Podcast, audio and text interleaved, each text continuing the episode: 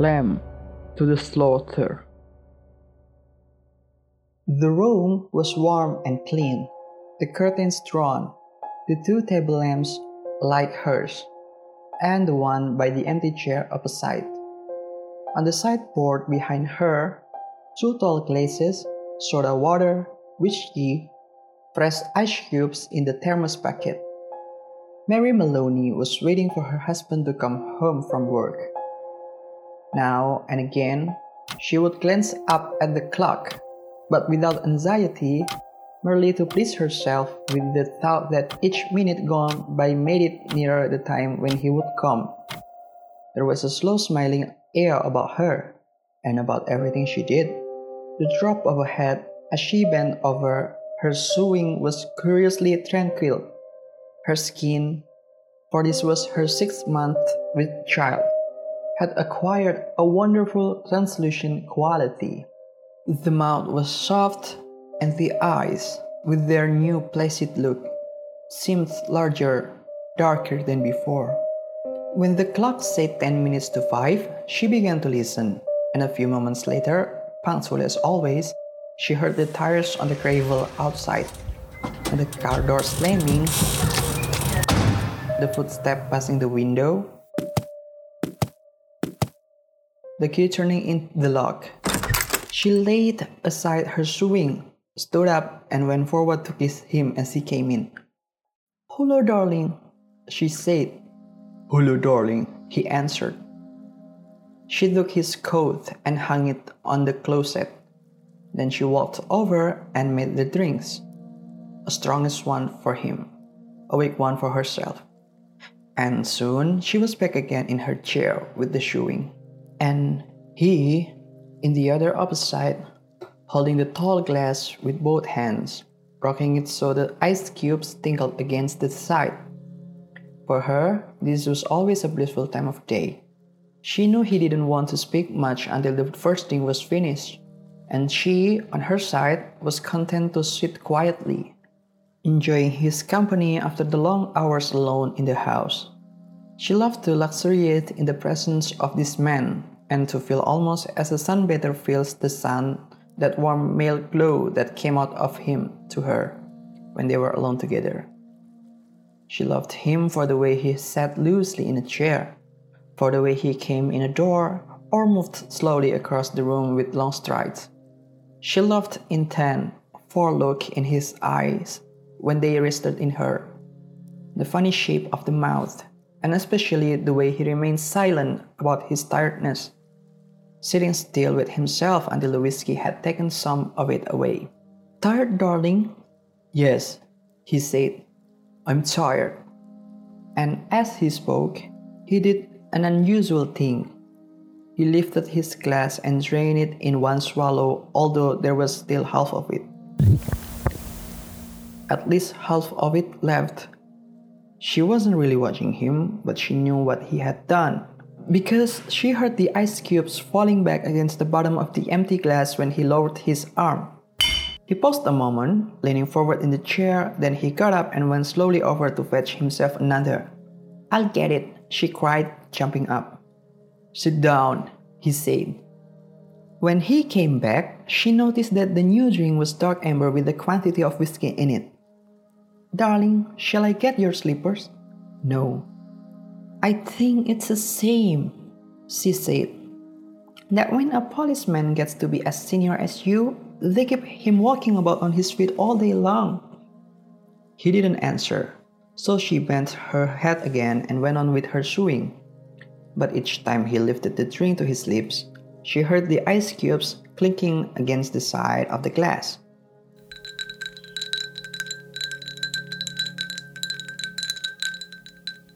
Darling, she said, would you like me to get you some cheese? I haven't made any supper because it's Thursday. No, he said. If you're too tired to eat out, she went on, it's still not too late. There's plenty of meat and stuff in the freezer, and you can have it right here and not even move out of the chair. Her eyes waited on him for an answer a smile, a little note, but he made no sign. Anyway, she went on, I'll get you some cheese and crackers first. I don't want it, he said. She moved uneasily in her chair, the large eyes still watching his face. But you must eat. I'll fix it anyway, and then you can have it or not as you like. She stood up and placed her sewing on the table by the lamp. Sit down, he said. Just for a minute, sit down.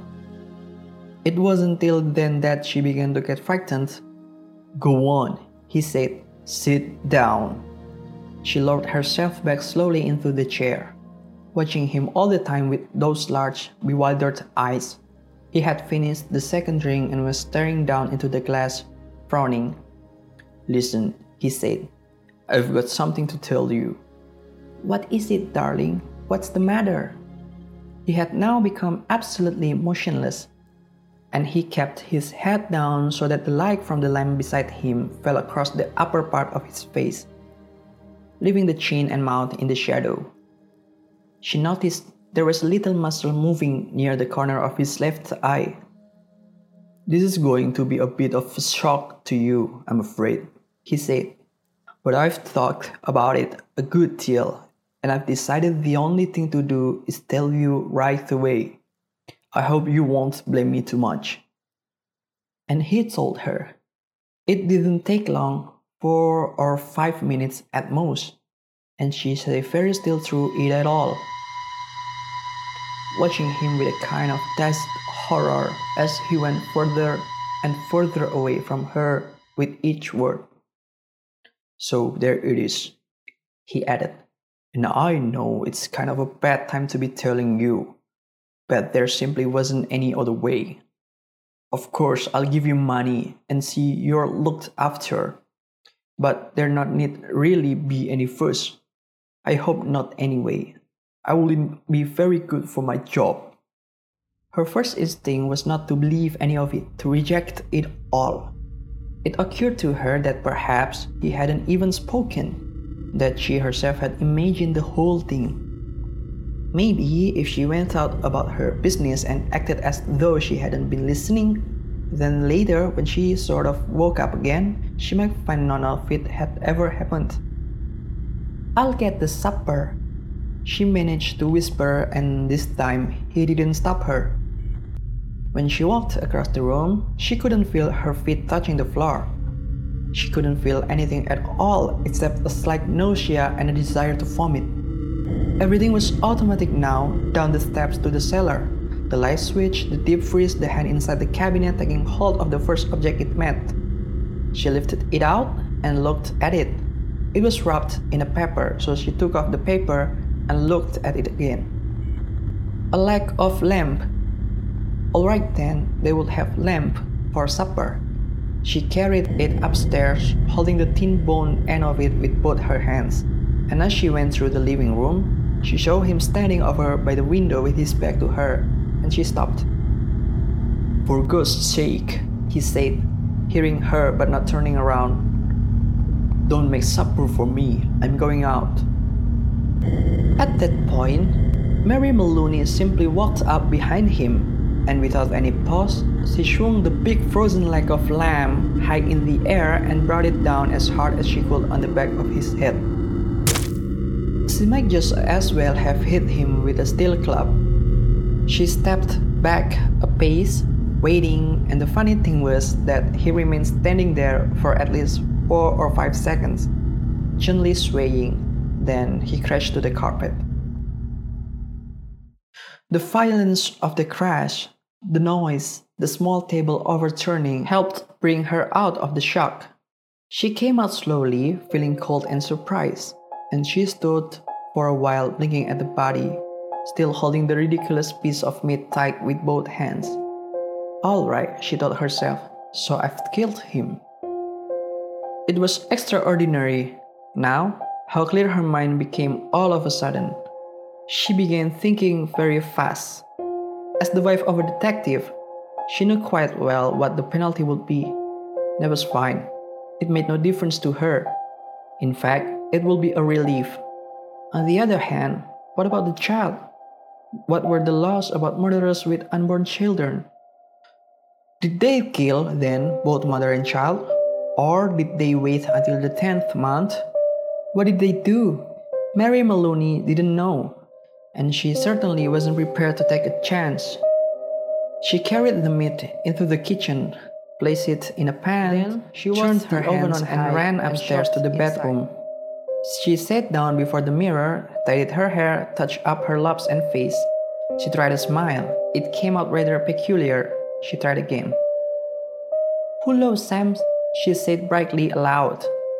The voice sounded peculiar too.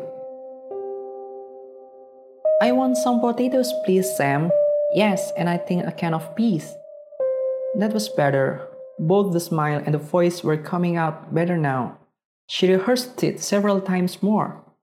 Then she ran downstairs, took her coat, went out the back door, down the garden, into the street. It wasn't six o'clock yet, and the lights were still on in the grocery shop. Hello, Sam, she said brightly, smiling at the man behind the counter. Why, Good evening, Mrs. Maloney. How are you? I want some potatoes, please, Sam. Yes, and I think a can of peas. The man turned and reached up behind him on the shelf for the peas. Patrick's decided he's tired and doesn't want to eat out tonight, she told him. We usually go out Thursdays, you know, and now he's got me without any vegetable in the house. Then how about meat, Mrs. Maloney? No, I've got meat, thanks. I got a nice leg of lamb from the freezer. Oh, I don't know how much like cooking it frozen, Sam, but I'm taking a chance on it this time. You think it will be alright? Personally, the grocer said, I don't believe it makes any difference. You want these Idaho potatoes? Oh, yes, that will be fine. Two of those. Anything else? The grocer cocked his head on one side, looking at her pleasantly. How about afterwards? What are you going to give him for afterwards? Well, what would you suggest, Sam? The man glanced around his shop. How about a nice big slice of cheesecake? I know he likes that. Perfect, she said. He loves it. And when it was all wrapped and she had paid, she put on her brightest smile and said, Thank you, Sam. Good night. Good night, Mrs. Maloney, and thank you. And now, she told herself as she hurried back, all she was doing now she was returning home to her husband, and he was waiting for his supper. And she must cook it good and make it as tasty as possible because the poor man was tired. And if, when she entered the house, she happened to find anything unusual or tragic or terrible, then naturally it would be shock and she'd become frantic with grief and horror. Mind you, she wasn't expecting to find anything. She was just going home with the vegetables Mrs. Patrick Maloney going home with the vegetables on the Thursday evening to cook supper for her husband. That's the way, she told herself. Do everything right and natural. Keep things absolutely natural, and there will be no need for any acting at all.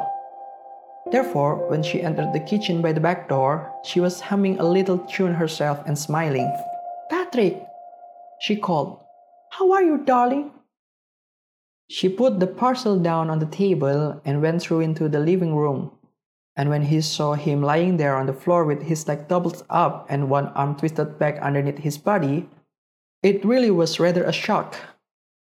All the odd love and longing for him welled up inside her, and she ran over to him, knelt down beside him, and began to cry her heart out. It was easy, no acting was necessary. A few minutes later, she got up and went to the phone. She knew the number of the police station, and when the man at the other end answered, she cried to him, Quick, come quick, Patrick's dead. Who's speaking? Mrs. Maloney, Mrs. Patrick Maloney. You mean Patrick Maloney's dead? I think so, she sobbed. He's lying on the floor and I think he's dead. Be right over, the man said. The car came very quickly, and when she opened the front door, two policemen walked in. She knew them both. She knew nearly all the men at that pressing, and she fell right into a chair, then went over to join the other one, who was called O'Malley, kneeling by the body. Is he dead? she cried. I'm afraid he is. What happened? Briefly, she told her story about going out to the grocer and coming back to find him on the floor. While she was talking, crying, and talking, Noonan discovered a small patch of congealed blood on the dead man's head. He shoved it to O'Malley, who got up at once and hurried to the phone. Soon, other men began to come into the house. First, a doctor, then two detectives, one of whom she knew by name. Later, a police photographer arrived and took pictures, and a man who knew about fingerprints. There was a great deal of whispering and muttering beside the corpse, and the detective kept asking her a lot of questions but they always treated her kindly. She told her story again, this time right from the beginning, when Patrick had come in and she was sewing and he was tired, so tired he hadn't wanted to go out for supper. She told how she would put the meat in the oven. It's there now cooking, and how she would slop out to the grocer for vegetables and come back to find him lying on the floor. Which grocer? one of the detectives asked. She told him, and he turned and whispered something to the other detective, who immediately went outside into the street. In 15 minutes, he was back with a page of notes, and there was more whispering, and through her sobbing, she heard a few of the whispered phrases.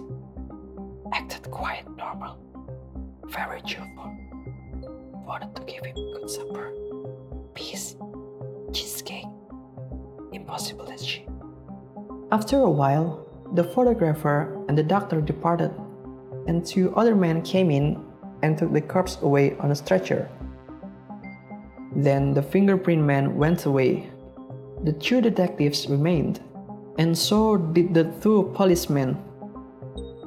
They were exceptionally nice to her, and Jack Noonan asked if she wouldn't rather go somewhere else, to her sister's house perhaps, or to his own wife who will take care of her and put her up for the night. No, she said. She didn't feel she could move even a yard at the moment. Would they mind awfully if she stayed just where she was until she felt better? She didn't feel too good at the moment. She really didn't. Then hadn't she better lie down on the bed? Jack Noonan asked. No, she said. She'd like to stay right where she was, in this chair. A little later, perhaps when she felt better, she would move. So they left her there while they went about their business, searching the house. Occasionally, one of the detectives asked her another question. Sometimes Jack Noonan spoke at her gently as he passed by. Her husband, he told her, had been killed by a blow on the back of the head administered with a heavy blunt instrument, almost certainly a large piece of metal they were looking for the weapon. The murderer may have taken it with him, but on the other hand, he may have thrown it away or hidden it somewhere on the premises. It's the old story, he said. Get the weapon and you've got the man. Later, one of the detectives came up and sat beside her. Did she know, he asked, of anything in the house that could have been used as the weapon? Would she mind having a look around to see if anything was missing? A very big spanner, for example, or a heavy metal face? They didn't have any heavy metal faces, she said. Or a big spanner? She didn't think they had a big spanner. But there might be something like that in the garage. She knew that there were other policemen in the garden all around the house. She could hear their footsteps on the gravel outside, and sometimes she saw a flash of a torch through a chink in the curtains. It began to get late. Nearly nine, she noticed by the clock on the mantel. The four men searching the room seemed to be growing weary, a trifle exasperated. Jack, she said. The next time Sergeant Noonan went by. What do you mean giving me a drink? Sure, I'll give you a drink. You mean this whiskey? Yes, please, but just a small one. It might make me feel better. He handed her the glass. Why don't you have one yourself? She said. You must be awfully tired. Please do. You've been very good to me. Well, he answered, it's not strictly allowed, but I might take just a drop to keep me going. One by one, the others came in and were persuaded to take a little nip of whiskey. They stood around rather awkwardly with the drinks in their hands, uncomfortable in her presence, trying to say consoling things to her.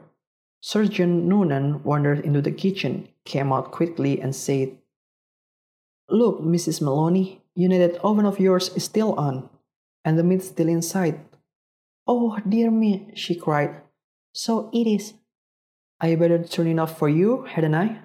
Will you do that, Jack? Thank you so much. When the sergeant returned the second time, she looked at him with her large, dark, tearful eyes. Jack Noonan, she said. Yes. Would you do me a small favor, you and these others?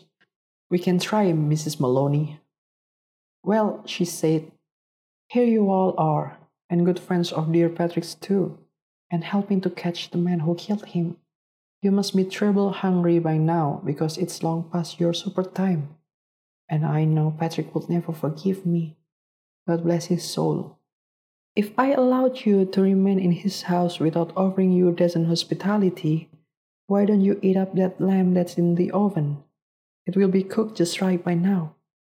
Wouldn't dream of it, Sergeant Noonan said. Please, she begged. Please eat it. Personally, I couldn't thought a thing. Certainly not what's been in the house when he was here. But it's all right for you. It will be a favor to me if you'd eat it up. Then you can go on with your work again afterwards. There was a good deal of hesitating among the four policemen, but they were clearly hungry, and in the end they were persuaded to go into the kitchen and help themselves.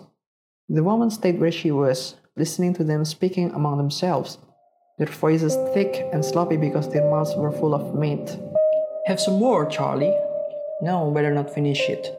She wants us to finish it. She said so. Be doing her a favor. Okay then, give me some more.